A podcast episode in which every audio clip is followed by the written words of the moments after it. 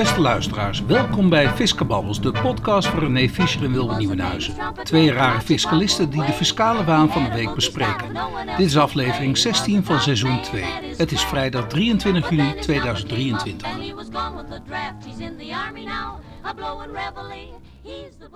Ja, ik heb wel wat reacties gehad op, uh, op dat verhaal van, die, uh, van, uh, van Hoogwoud. Ja. Uh, van Opmeer, gemeente Opmeer. Ja. ja dat, is, uh, ja, dat blijft een never-ending story, geloof ik. Ja. Dus, uh, dus met de WVG hebben we, dat, dat heeft recent in de krant gestaan. En nu ook over de bouw van een, van een kindcentrum. Mm -hmm. Ja, en dat is ook wel weer grappig, Wilbert. Wat ik ervan heb begrepen is het volgende. En dat is toch ook zo typerend voor de gemeente men heeft het dan over inspraak, hè, Wilde? Ja. Inspraak. Dus dan gaan we mensen bij betrekken. Nou, Ja. Dan laten ze allemaal bouwtekeningen zien. Nou, Ja. prima. Mensen zeggen, nou, akkoord. Akkoord, weet je. Hierop eh, v- ja, hier kunnen we ons vinden. Ja. In meerderheid, klaar. Ja. Maar vervolgens wijzigen de bouwtekeningen. Ja. Dus ineens was het van één hoog, wordt het twee hoog. Ja. Dan wordt het verplaatst en ineens eh, kijkt, de, eh, eh, kijkt zeg maar op de tweede etage, kijkt zo naar binnen op de etage en op de slaapkamer van de ander, weet je wel. Ja. Nou goed, lang verhaal kort. Daar is niet over overlegd. En vervolgens wordt er gezegd, joh, jullie waren toch akkoord? Ja. Nou, dat is zo typerend, jongen, dat je denkt, Ja. hoe is het mogelijk? Dat je daar nog, ja, dat je daar als, als, als overheid nog, eh, eh, ja, eh, nou ja, eh, en we hebben natuurlijk nu in dit geval in de gemeente Opmeer hebben we de zonneweiders die aan de beurt zijn. En eh, dan hebben we een P van de A-wethouder. Echt, ik, ik zeg nogmaals, P van de A GroenLinks. En die gaat het hebben over eh, niet de strenge voorwaarden, want we moeten ontwikkelaars ook een kans geven. Ja, ik denk, joh, waar, waar zit ik hier te lezen, joh? Wat is dit? Ja, Ja. Echt waar hoor, dat Ja. waren zijn letterlijke woorden. Ja, ik denk ook eh, van, dit is toch echt te erg voor woorden, joh. Ja. En, en- ja, en, en ja. Even kijken, hè? Waar, waar wil je beginnen? Ehm, Nou, zullen we even met de ophef du jour eh, eh, beginnen? ophef... Nou, Du jour. Du jour. Nou, dus ik bedoel over eh, de aanpak over het vergunningenstelsel voor woningen onder de 355.000 euro. Ja, ja. Wat vind jij daar nou van? Als, ras VVD'er, wat vind je daar nou van? Het is toch dat je denkt, nou ja, eh, mis ik hier iets of zo? Of- Nou, dit artikel uit, eh, even kijken hoor, want eh Anne ging er ook wel een beetje over natuurlijk. Hè, over het, datgene wat natuurlijk Hugo de Jonge, de woonminister, naar voren heeft gebracht. De woonminister. De, sorry, de woonminister. Ja, de Woon- woonminister ook, ja. Alleen hij, hij, hij wo- Woon, de woonminister, niet de woonminister. En de woonminister De Jonge, die heeft, eh, eh, die- ja, die, ja, die legt gewoon eh, je eigendom aan banden. Althans, daar, daar gaat het gewoon op neerkomen, toch? Ja, Je, Ja. je kunt niet meer vrij, je bezittingen kun je vrij verkopen, aankopen. Dat mag allemaal niet meer. Dat gaan we lekker aan banden leggen. ja. Ja.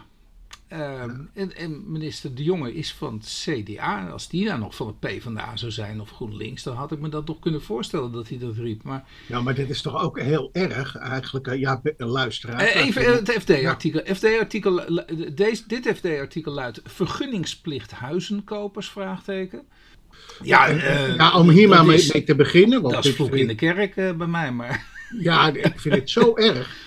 Dat- Toen ik het las ook, ook bijvoorbeeld de inkomens, eh, eh, of was, eh, men koppelt dus de eh, verkoop van de huis aan de waarde van het huis in combinatie met een inkomenstoets.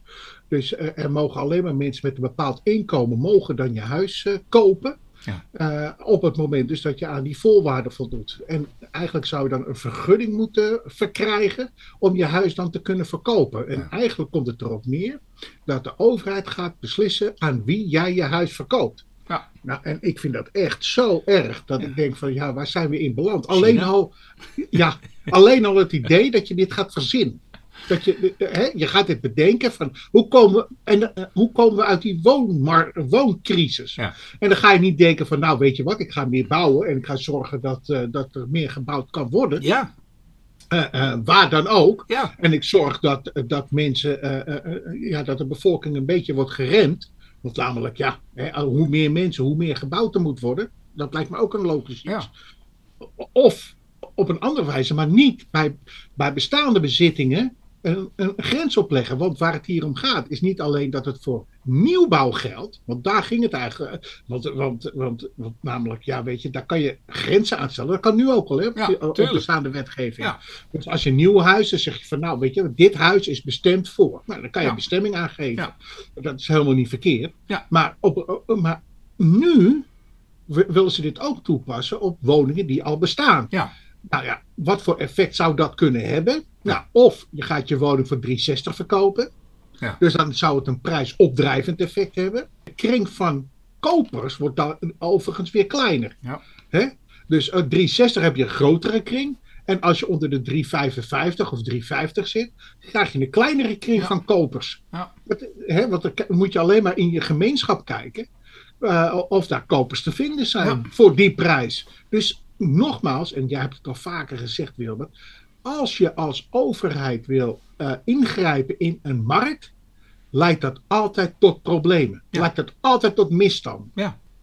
Maar goed, dit is echt heel erg. Ik vind het eh, verschrikkelijk dat, dat, eh, dat zeg maar de vrije markt en ook het eigendomsrecht, dat daar inbreuk op wordt gemaakt. Ja. En ik snap niet dat, er een, dat, dat je als overheidsfunctionaris of ambtsbekleder, dat je dit gaat verzinnen.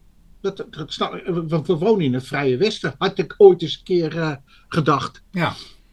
Landelijk gezien Ja. zou er toch eigenlijk een meerderheid van de partij moeten zeggen: joh, wat zijn we hier eigenlijk aan het doen? ja. Maar dat is dus niet zo.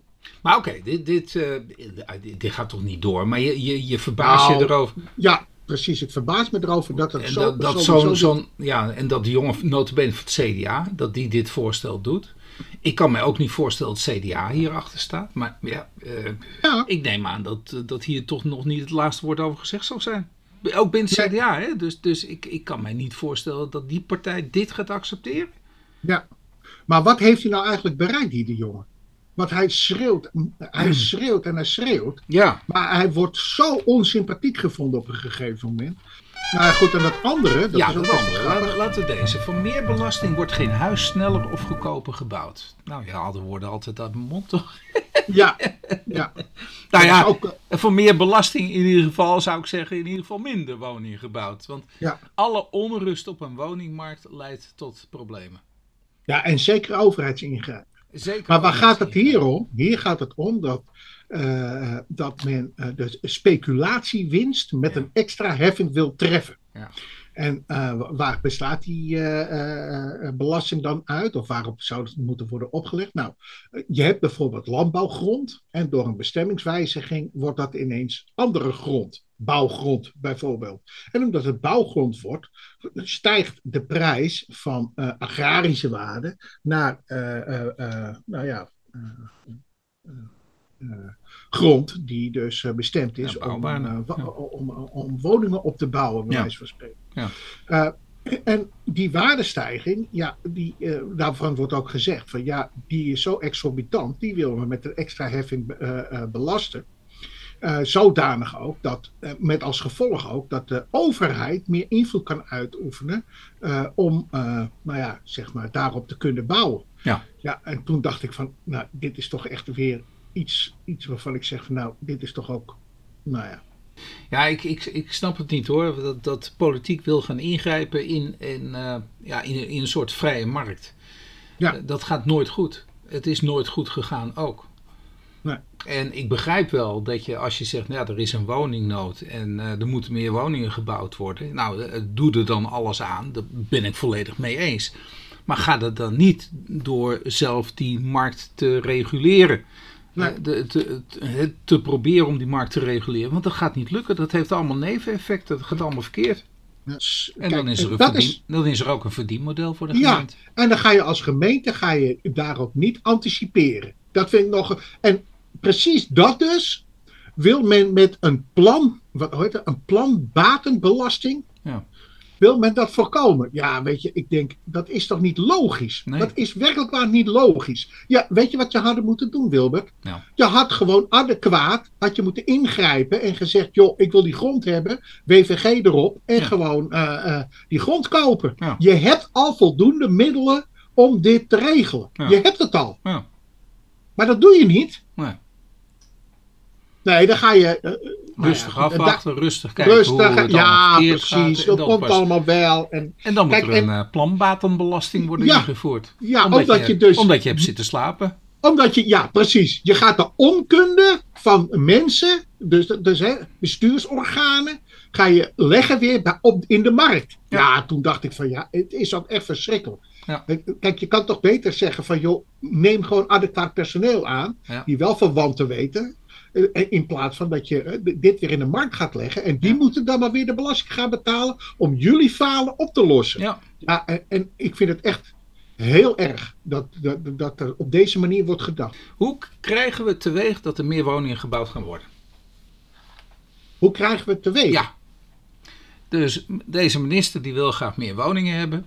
Eh, nou, trouwens niet de minister alleen, de maatschappij die wil meer Ja, dat woningen denk hebben. ik ook. Ja. Aan de ene kant heb je eh, eh, de projectontwikkelaars. En de projectontwikkelaars willen alleen maar dure woningen verkopen. En, wo- en met dure woningen be- bedoel ik eigenlijk waar de winstmarges hoog zijn. En die winstmarges worden behaald niet met sociale woningbouw. Wilbert? Als er winst te behalen is, en of dat nou veel is of weinig, als er gewoon winst te behalen is, eh, als er maar een economisch realistisch scenario wordt eh, geschetst, financieel realistisch scenario wordt geschetst, waarbij inkomen kan worden verdiend, is een projectontwikkelaar niet bedoel, ehm, ehm, eh, beroerd om daarin in te stappen.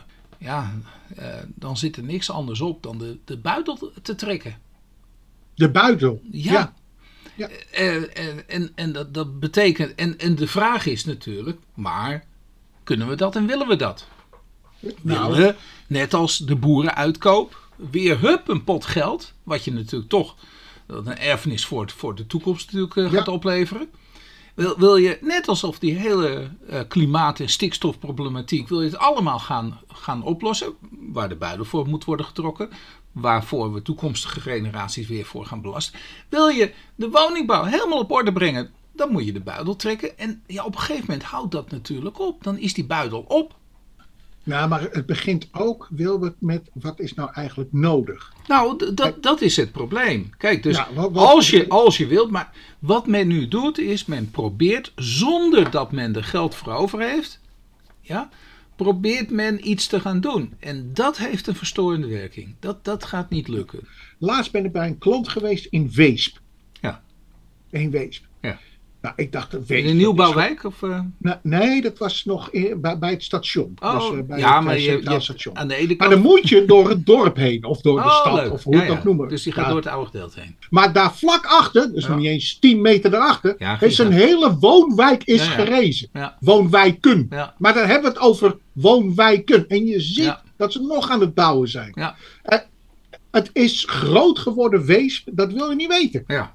Het- ja, en hoeveel woningen, je, je, je kan heel Nederland volbouwen. Dat kan natuurlijk. Ja, kom op. Dat kan echt, heel hoor. veel. Nou ja, maar je mag het niet zeggen. Je krijgt een soort van veel- Manhattan. We hebben heel veel landbouwgronden. Nederland wordt gewoon het Manhattan. Het wordt gewoon e- één, bouwgrond. Nee, eh, Ja, nee, dat- maar dat- het is maar net wat, wat voor keuzes maar dat maakt, is niet hè. zo, René. Dat is niet zo. Hey, je moet. Oh ja, misschien ook wel een tip Maar wat voor Ik, wat is niet zo? wat, je, wat je nu gaat zeggen, wat je nu zei. Oh, Ehm, ik bedoel, we gaan het helemaal volbouwen. Nou, eh, als ik door, met mijn auto ergens naartoe rijd, nou, ik rij continu, ik, ik wou zeggen daarnet, eh door de natuur. Ja, maar, maar welke zeggen- natuur is dat dan? Nou, allemaal landbouwgronden. En dat wilde ik ook aan de luisteraar meegeven. Het is een hele leuke NPO-serie. Ik weet niet of je die gezien hebt. In NPO Start kun je dat. eh, gaat, het is maar een aflevering van vijf. En, maar, nou, vijf afleveringen lijkt veel, maar van 20 minuten. Dus je bent er echt binnen twee uurtjes ben je er doorheen. Hartstikke leuk. Moet je, moet je even zien. En dat is de wereld in, twee, eh, in 2100. Dus, dus over zeg maar 75 jaar. De wereld in 2100. En wat gaat er gebeuren demografisch gezien? De wereld die gaat zo gigantisch veranderen. Europa krimpt qua bevolkingsaantallen en dergelijke. Eh, China krimpt, die implodeert zelfs. Ja? Amerika wordt groter. Ja, kan blijkbaar dan toch een jeugdige bevolking, ook heel veel immigratie natuurlijk. En Afrika explodeert. Maar wij gaan krimpen, joh. Wij gaan echt, en we hebben nu al krimpgemeentes. En, en eh, het is alleen dat iedereen die wil bij steden gaan wonen. En de steden die breiden als een gek uit. Maar we blijven natuurlijk nog steeds, ja, sorry Groningers, maar ik denk dat het Groningse platteland, ja, het is geen natuur, het is platteland, maar het platteland dat blijft. Dus. En, en daarom, als jij nu die markt wil gaan beïnvloeden, omdat er nu een woningsschaarste is, een woningnood, wordt er over gesproken. En dat is ook zo hoor. Ja. Ik bedoel, ik zal het niet ontkennen. Maar ik weet nog dat ik studeerde. En, Toen was het eh, ook. Was het niet geen kroning zonder woning? Nee, precies, precies. Toen werden de rookbommen was veel heftiger door, vriendjes van ons werden de rookbommen gegooid op de Dam, uh, René. Oké, de vriendje is inmiddels al lang overleden. Maar, maar we, hadden, twee vriendjes, um, Saken en, en uh, Frans. En die hebben op de Dam hebben ze rookbommen gegooid tijdens de kroning van de toenmalige prinses Beatrix tot koningin der Nederlanden. Maar toen al hoor. Het, het, het, het, is, het is nooit zo geweest van, joh, de woningbouw, iedereen heeft een woning. En kijk, ik weet nog goed dat er, dat er tijdens de studie een discussie was bij, de, uh, bij publiekrecht over sociale grondrechten. Hmm. dus dus uh, iedereen, de overheid die zorgt voor woningen. Of ik weet niet eens wat, hoe dat grondwetartikel precies luidt. Ja. Maar? En, uh, en, dan is er de discussie, kan een overheid zich daar wel op toeleggen? Want ja, wat is dat eigenlijk voor een... Eh, ja. En eigenlijk heeft de overheid zich daaraan nooit kunnen committeren. Aan, nee, maar je, je, kunt, je kunt markten kun je gewoon niet regelen. Dat is het grote probleem. Nee. En, en, dat, maar niet ook, ja, maar en, niet ook en, nu hebben we een woningnood. Zo direct ga je weer zien. Nou ja, oh, dat hebben we nu al gezien. Dat de woningprijs, nou, die, die daalde weer. Dan hebben we weer een probleem. Ja, dan, uh, oh jee, als nu de woningprijzen dalen, kunnen we helemaal niet meer woningen bouwen. Want dan kunnen we de, uh, uh, dan is de verkoopprijs die we nu in gedachten hadden bij de calculatie van de bouw, is te hoog. Ja, ja zo blijf je een probleem houden. Dus ook als, ook als sodemieter die hele woningprijs in, in, in, in, dat is ook niet goed. Is hij te hoog, dat is het niet goed. Je kunt je afvragen wanneer is hij wel goed. Ja, als het keurig in evenwicht is. Ja, je moet aan het echte werk beginnen, vind ik. Ja. Uh, je had deze ingestuurd. Uh, Brussel wil snelle terugvordering bronbelasting mogelijk maken. Ja, ja. Nou, dat, dat heeft ook in de krant gestaan, dit verhaal. Ja. En uh, aan de ene kant heb je de zogenaamde dividendstrapping. Mm Dat is de ene kant. En de andere kant heb je de teruggave van bronbelasting. Maar voor de teruggave ja. bronbelasting moet je voor elk afzonderlijk land uh, geldt een aparte procedure. Dus je moet een formuliertje invullen, een woonplaatsverklaring enzovoort. Ja. Maar ik vind het wel een goed initiatief overigens dat men dit wil uniformiseren. Dat, uh, dat sowieso. Want ja. het, het, het, is eigenlijk te gek voor woorden dat dat nog eigenlijk op de klassieke wijze gaat. Want je kan het ook niet elektronisch terugvragen. Je moet hmm. nog echt handmatig die formulieren. Nou, ja, ik, ik, wij, wij, in de B2 hebben we natuurlijk ervaring. Hè? Uh, als, je, als je B2 terug wil vragen in een andere lidstaat nou, dan moest je dat van vroeger moest je dat uh, indienen bij de lidstaat zelf. Dan, uh, nou ja, dan kreeg je nog wel eens een keertje wat uh, taalbarrières natuurlijk. En je moest de, de, formulieren erop vragen. Nou, zijn ze die formulieren gaan harmoniseren? He, dus dat het mhm. een, een beetje allemaal op elkaar leek. En, en, dan had je niet aparte vertalingen meer nodig natuurlijk. Maar ja, had je nog altijd een verschil van mening van, um, tussen de lidstaten. Van wat geven we wel en wat geven we niet terug. He, dus de ene lidstaat die geeft uh, bijvoorbeeld niet de benzinekosten terug. De ander die geeft niet de hotelovernachtingen terug. Uh, en dat, die mogelijkheden hebben ze. dus dat mhm. is niet, niet helemaal geharmoniseerd. Lijkt er een beetje op. Nou, wat hebben ze nu enige jaar geleden gedaan? Uh, hebben ze dus nu een, een, portal hebben ze geïntroduceerd. Nou, daar gaat dit natuurlijk ook naartoe. Een portal. dat en in plaats van dat je het bij de lidstaat van de teruggave moet indienen, mag je het bij de Nederlandse Belastingdienst indienen. Nou, uh, is niks veranderd hoor, nee. Want je moet het gewoon invullen en vervolgens wordt het hele zwikkie doorgestuurd naar het desbetreffende land. Ja, dus eigenlijk is er niks veranderd. Daarna krijg je ook contact met het desbetreffende land eventueel als, als er wat nadere vragen uh, beantwoord moeten worden. Maar je hebt nu dat je codes moet gaan invoeren die weliswaar gestandaardiseerd zijn. Maar dat je denkt van ja, ik heb hier huur van een accommodatie. met andere woorden, het is een hotelaccommodatie of iets dergelijks. En dat vraag je dan terug, hè, die BTW.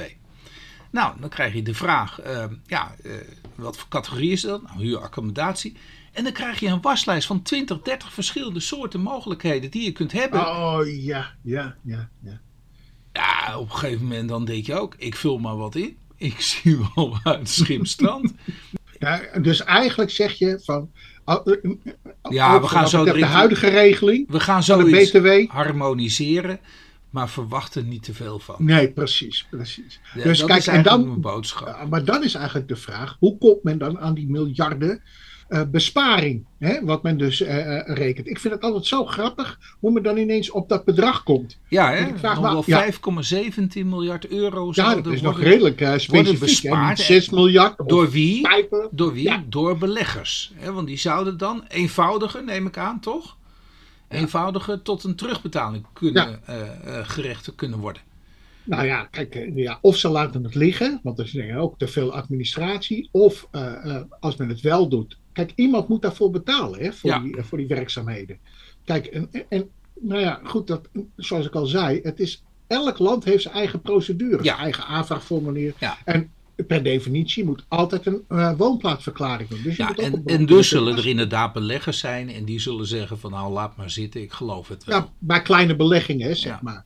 Maar eh, bij grote beleggingen, ja, je zal het toch moeten terugvragen. Kijk, en, en het zou wel handig zijn hoor, ook al als er één aanspreekpunt nou, is. Maar het, het, zou, zou, handig zijn als het inderdaad geuniformeerd wordt, dat is één. Uh, dus ook de regelgeving geharmoniseerd zou worden geuniformeerd worden. De wijze waarop je het terug kunt vragen. En liefst nog bij je eigen belastingdienst dan ook. Oké, dus dat is even Brussel die wil hier uh, snelheid in krijgen. Ik ga naar de volgende. Rechtbank kijkt door verhuur aan BV-kinderen heen. Ja. Want valt onder TBS-regeling, ter beschikkingstelsregeling. Nou. Ja, uh, even, ik, ik, ik, sla het plat. Uh, dit is van Rechtbank Gelderland, AWB 22 uh, schrap 74. En dat is van datum 15 mei 2023. En uh, hier gaat het om een, een BV, ABV, die verhuurt aan BBV. ABV is in handen van vader en echtgenoten. Ik neem aan dat het vader en echtgenoten is. En BBV, de aandelen zijn in handen van de kinderen. En de kinderen uh, huren een pand voor een bepaald bedrag uh, per jaar en uh, tegen een, ook een bepaalde huurprijs. En vervolgens wordt verondersteld dat er sprake is van een kunstmatige, nou ja, laat ik het zo zeggen, kunstmatige opzet, waardoor dus dit terzijde wordt geschoven. Dus de, want namelijk de kinderen hebben geen AB, hè, want je kan alleen maar ter beschikking stellen als je een AB hebt. En er wordt dan doorheen gekeken en er wordt gezegd van joh, uh, eigenlijk is het gewoon uh, ter beschikking gesteld aan de uh, aandeelhouders.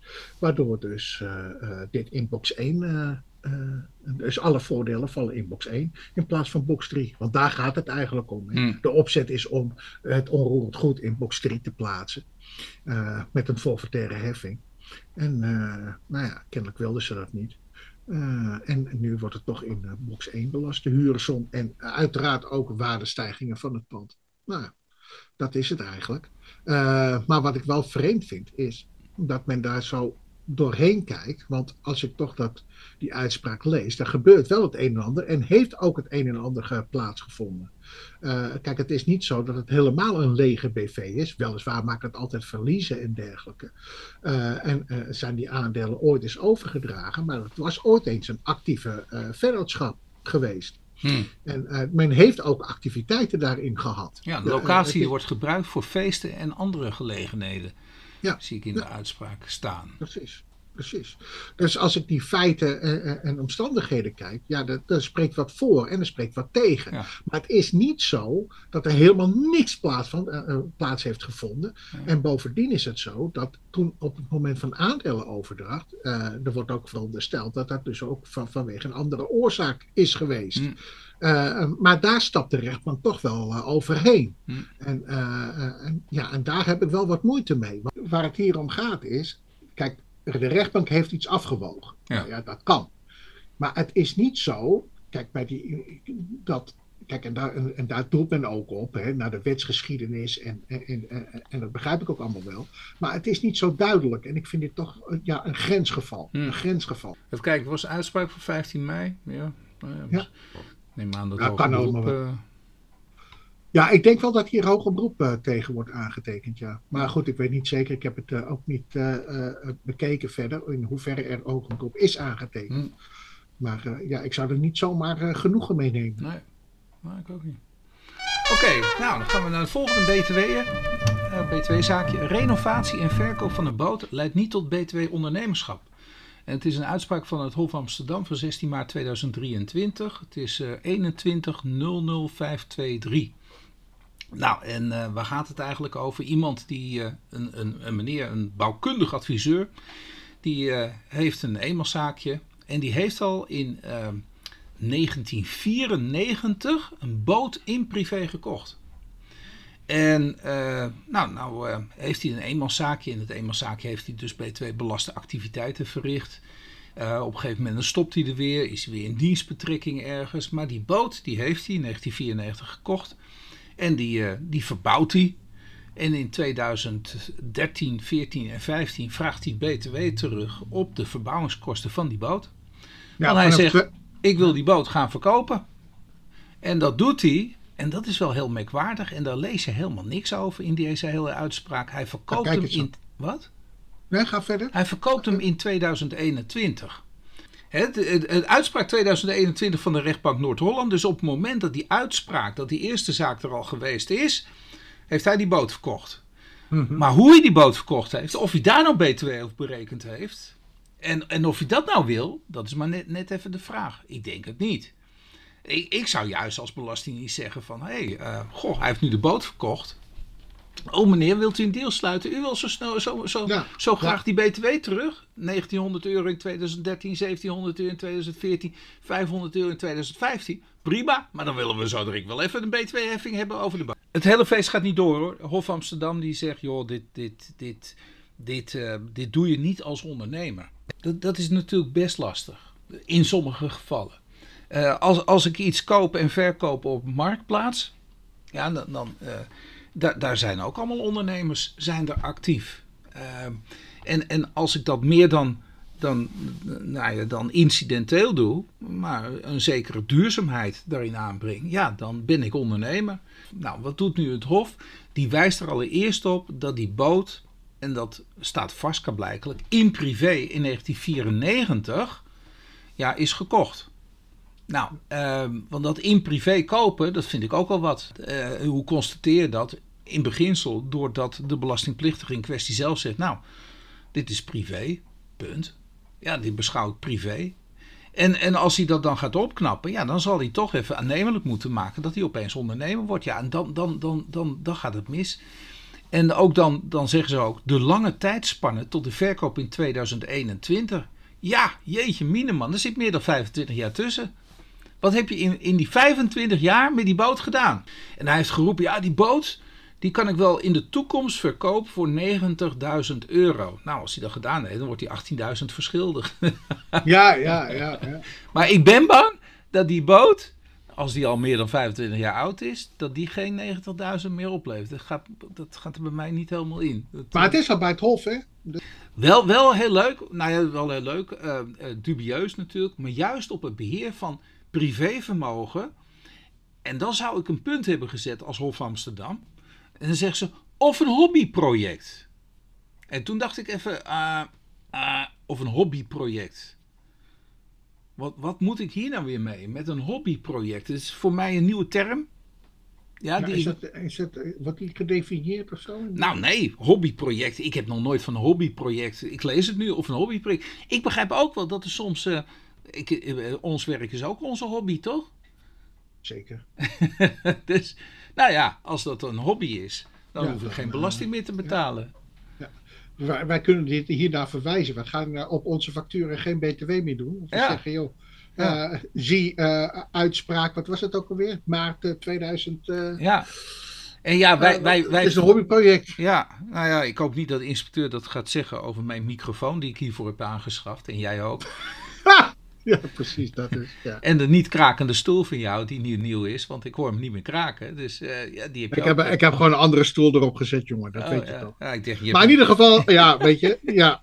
Ik denk dat we nog altijd per saldo beter uit zijn af te zeggen dat het een hobbyproject is. Vind je het gek? Uh, bij, nou, dan, we, we, ja, nou. ik weet het niet hoor. We hebben nou, kosten ja, gemaakt hier aan deze uitzendingen en zo. Ja, ik heb de BTW wel in aftrek gebracht hoor. Ja, dat is waar. Maar ja, ik hoop nog altijd op een, natuurlijk een sponsor die eindelijk inderdaad. Uh, ja, Ja, ja. Hoe zit het met sponsoring in de BTW? Nou, dat is ook een Ja. leuk ding. Ja, ik ben bang dat we Ja. ook wel inderdaad een probleem gaan krijgen met de inspecteur over onze winstverwachting die hiermee... Ja. eh, nou ja, dit valt allemaal binnen één onderneming, denk ik. ik denk dat dat, eh, ja. Dus eh, ik, ik begrijp de uitspraak. Ik, eh, ik, ik, eh, ik, ik kan er van harte mee instemmen. En ik, ik Ja. hoop dat ze ook het door laten slaan in de andere kant natuurlijk. Dat als, als er inderdaad wel een belaste ou- output ter sprake kan komen, dat men dan ook zegt, ja, het was een hobbyproject. Ja, dat het hobbyproject een beetje, hè, ik denk aan de verkoop van een paard. Ja, ja, ja. Dat, dat- Oh ja, dat verkoop van dat paard. Nou ja, goed.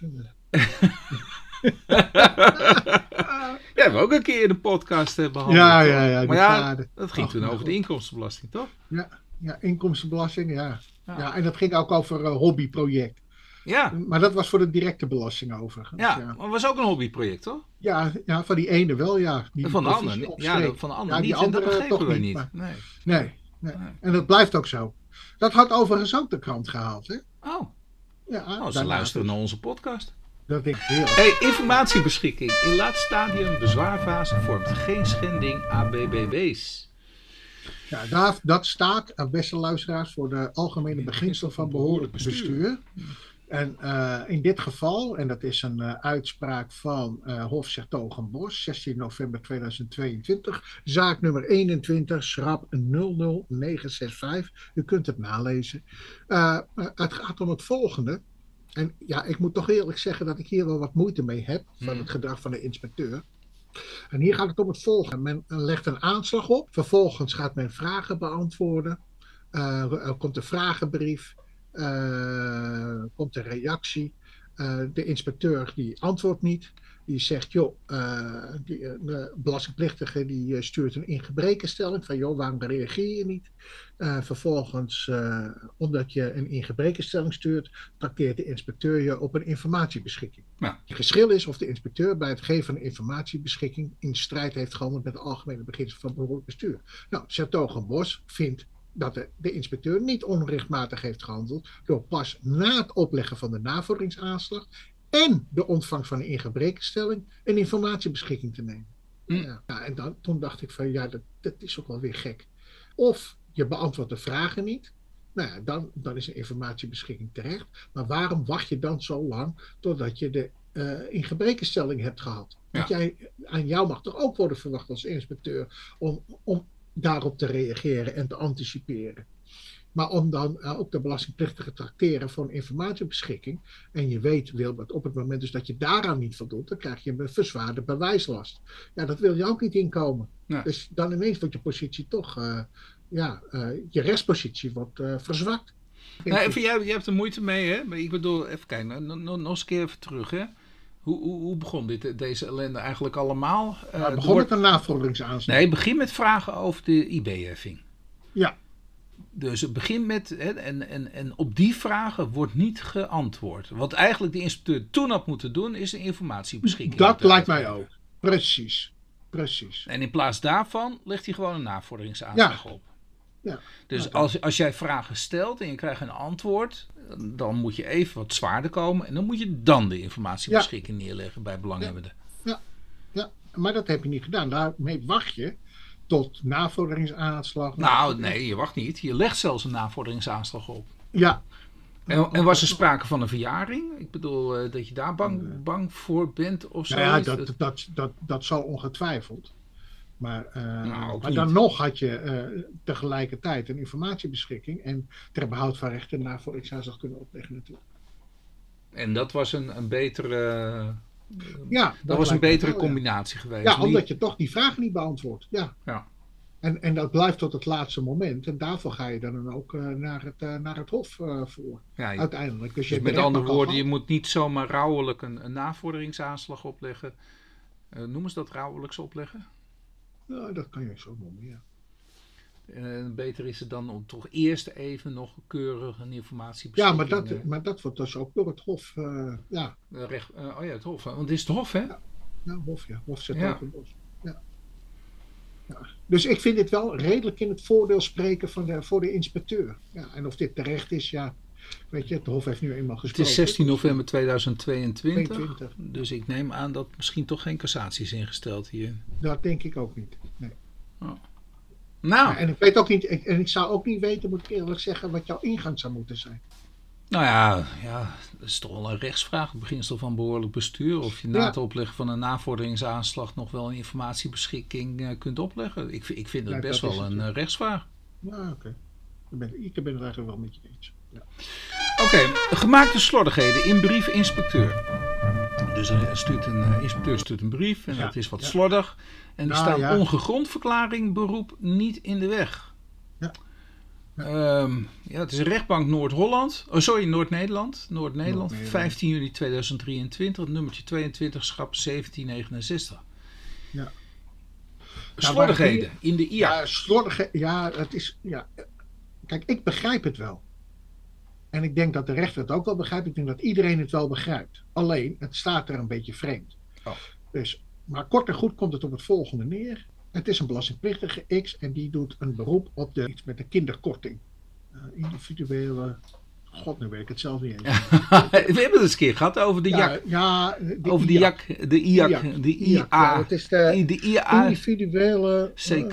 Eh, korting voor. eh, nee, ja, gezin- moet die C moet nog ergens, eh, toch? Ja, ja, het heeft te maken, ja, het heeft te maken met een eh, combinatiekorting. Oh, combinatiekorting. Ja, combinatiekorting die je krijgt op het moment dus dat je een gezin hebt waarbij Ja. één, eh, het inkomen van één van de ouders lager is dan het inkomen van de ander. En dan krijgt, je, krijgt die de bonus. En dat is best wel veel, eh, veel geld. Dat is eh, 1250 euro aan combinatiekorting die je dan krijgt. Mhm. En, daar, en het is dus een heffingskorting. Het is een heffingskorting. Nou, Dus eh, het verschil tussen inkomen en een heffingskorting, daar begint het mee. Ja. Eh, maar die inspecteur constateert dat deze belastingplichtige niet in aanmerking komt voor een IAC. Nou, dus eh, de inspecteur stuurt een brief waarin hij dat dus kenbaar maakt van, joh, jij komt niet in aanmerking voor die IAC. En, eh, en, eh, en stelt die brief wel heel ongelukkig op. Eh, en wat zegt de belastingplichtige op dat moment? Van, joh, ik had hier niet uit kunnen begrijpen dat ik eh, toch iets zou moeten terugbetalen. Want namelijk, mijn belastbaar inkomen, die is niet gewijzigd. En als je nu eh, doorgaat naar de eh, eh, uitspraak. Ja, ik zit de- even te kijken naar die brief hoor. En nu, ja, Want die en even voorlezen. Oh. Inkomen uit overig werk. Uit mijn gegevens blijkt dat u in 2018 inkomsten resultaat uit overige werkzaamheden heeft genoten van 1250 euro. Deze inkomsten heeft u niet in uw aangifte 2018 opgegeven. Dit betekent dat het opgegeven inkomen te laag is. Ik heb dan ook besloten op dit punt van uw inkomen af te wijken met 1250 euro. Ja. Inkomensafhankelijke combinatiekorting. Nou, dan hebben we ook de IAC hebben we weer eh, gedefinieerd. Ja. Geen kind jonger dan 12 jaar. Dit betekent dat u de inkomensafhankelijke combinatiekorting niet krijgt. Ik ben dan ook van plan op dit punt af te wijken van de aangifte. Ja. Dus, en dan kijken we ook even naar de berekening van het inkomen werk volgens de aangifte, Wilbert. Ja. Dat, dat schreeuwt er ook niet om, hè? Ja. 2.401.140 euro. Ja. goed. Dat is dan wel weer grappig. Totaalbedrag van de afwijkingen 12,50. Vastgesteld belastbaar inkomen uit werk en woning 24.02.390. Nou, daar klopt natuurlijk geen kant van. Dat klopt gewoon niet. Maar dat begrijp je natuurlijk ook al. Het gaat niet om een rol. Dit gaat niet om een afwijking van het inkomen. Dit gaat over de inkomensafhankelijke combinatiekorting. Dat, eh, en de inkomensafhankelijke combinatiekorting is gewoon een correctie op de heffingskorting. Dus die brief die klopt van geen kant. Ja. Echt niet. En het is zo onduidelijk als wat. Maar wat zegt nu de eh, eh, rechtbank Noord-Holland? Die zegt, nou, u heeft uit die brief wel kunnen begrijpen dat er iets mis is met uw inkomensafhankelijke combinatiekorting. En alleen daarom al, ook al is die brief onduidelijk, eh, blijft gewoon die correctie in stand. U mag geen beroep op doen op deze eh, onjuistheid. Nou, wordt dat 2 niet miljoen gedaan. man.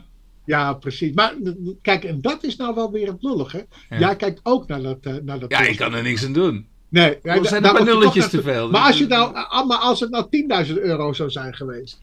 Ja, da- en dan ineens wordt het anders. Ja, ja. Ja, precies dat dus. Men heeft het over de rol. Men heeft het over eh 1250 euro. Dat klopt allemaal niet. Afwijking, berekening van het belastbaar inkomen klopt ook niet. Het klopt gewoon niet.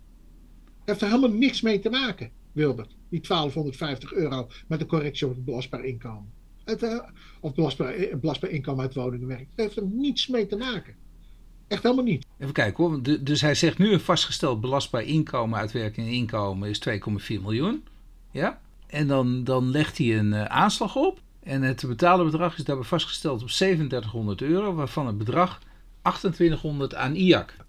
Zoals een te veel, te, hoog, te veel hoog inkomen. inkomen. In ieder geval een nul te veel. Dus er is toch sprake van een tikfout, uh, Wil. Dus het is niet 2 miljoen, maar het is uh, 240.000 euro. Nou ja, dat is ook niet, uh, dat is ook niet uh, laag. Trouwens. Maar dan ga ik nog even terug hoor. Want ik, ik lees nou die, die overweging hè, van, van de rechtbank Noord-Nederland. Doordat de inspecteur dat niet heeft gedaan, is het voor een belastingplichtige zonder fiscale kennis niet eenvoudig te begrijpen wat voor hem de financiële gevolgen van de beslissing van de inspecteur om af te wijken van zijn aangifte zijn. Wat de financiële gevolgen van een beslissing van de inspecteur zijn, is nu juist wat een belastingplichtige wil weten. Je, zou bijna denken, hier gaat het toch uh, mis. Voor de hier gaat het toch mis. En toch blijft het beroep ongegrond. Ja, je zou eigenlijk een zorgvuldigheidsbeginsel hier moeten gaan toepassen. Ja, in plaats van een vertrouwensbeginsel. Ik weet niet waar uh, belanghebbende een beroep op heeft gedaan. Ja, dat vertrouwensbeginsel. ja. Alleen maar vertrouwensbeginsel? Ik zou zo zeggen van nou, is niet echt zorgvuldig is dit uh, uit, ten uitvoer gebracht. Maar had, dat kan, had dat kans verslagen gehad? Nou, weet ik niet. Je kan het, het, nou, ja, ik bedoel, vertrouwensbeginsel. Er is geen vertrouwen gewekt van dat hij de IRK niet zou gaan corrigeren. Uh, daar, nee, daar gaan we niet mee redden. Even kijken, de uitspraak is nog recent. Dus ik zou zeggen tegen IJsje, joh, uh, je hebt de algemene beginsel van behoorlijk bestuur naar voren gebracht. Gooi er nog eentje tegenaan. Ja, zorgvuldigheidsbeginsel. Ja. Nou, ik vind dat Ja, maar wel, toch, het, het, het, schuurt dit. Het schuurt. Ja, joh. Ik denk, joh, dit is onnavolgbaar. Het enige wat ik dan wel weet, is dat. Wat moet je hier dan mee? Als je zo onzorgvuldig wordt geformuleerd. Wat mag je dan verwachten van een belastingdienst? Nou, weet, weet, weet je wat ik vind in dit soort zaken? Waar, waarom een inspecteur dit helemaal tot aan het hof laat komen? Ja. Tot aan de rechtbank laat komen. Ik zou hier niet mee. Ik zou hier niet mee durven over straat te gaan. Snap je? Ik zou me schamen. Ik wist niet dat de Belastingdienst, de inspecteur, dat die ooit een gemachtigde van de inspecteur is. Ja, dat is nieuw. Is dat nieuw? Nee joh. ik weet dat ook niet. Meestal staat het dan gewoon de Belastingdienst of uh, de inspecteur. Of, ja, maar nu staat er de inspecteur van de Belastingdienst Arnhem. Maar, uh, de inspecteur en de gemachtigde meester. Gemachtigde de inspecteur is toch niet de gemachtigde? Het verba ja, dat verbaast mij. Je bent in ieder geval, ja, of gemandateerd misschien. Maar, dat je na, maar, maar, toch staat het hier wel, De inspecteur is toch zelfstandig? Ja. Ja, hier eisen en de gemachtigde van de inspecteur, bijgestaan door een medewerker van de Belastingdienst. Maar het lijkt net alsof ze een advocaat hebben ingeschakeld. Ja, maar dat is niet zo. Dat, dat lijkt mij niet, nee. Dat nou ja, ik, ik zou als belang, belanghebbende zou ik hier toch wel in uh, beroep gaan. Want, uh, en, en, nogmaals, ik, eh, gewekt vertrouwen red je het niet mee, maar zorgvuldigheidsbeginsel, ik zou het wel eens leuk vinden. Ja. Nou, deze meneer die heeft nog tijd genoeg, want uh, dit is een uitspraak ja. van vorige week. Dus uh, ik, ik, ja. ik hoop dat hij luistert. Nou! Dat was het weekje wel weer. Dus, nou, nou veel mee. Hè. Het, uh, het was weer gezellig. Ik spreek je volgende week alweer. Ja, tot volgende week. Oh. En als, we het, uh, en als het uh, niet uh, warm blijft, hè? Jij, jij komt ook niet in de zon, hè? nee, dat, dat, dat, begin ik ook niet eens aan. Dat, ja, nee. Tenzij ik erin moet staan, en daar sta ik er ook in. Maar ja. Hé, hey, ik stop hem. Oké, okay, Oké, okay, tot volgende week. Doei.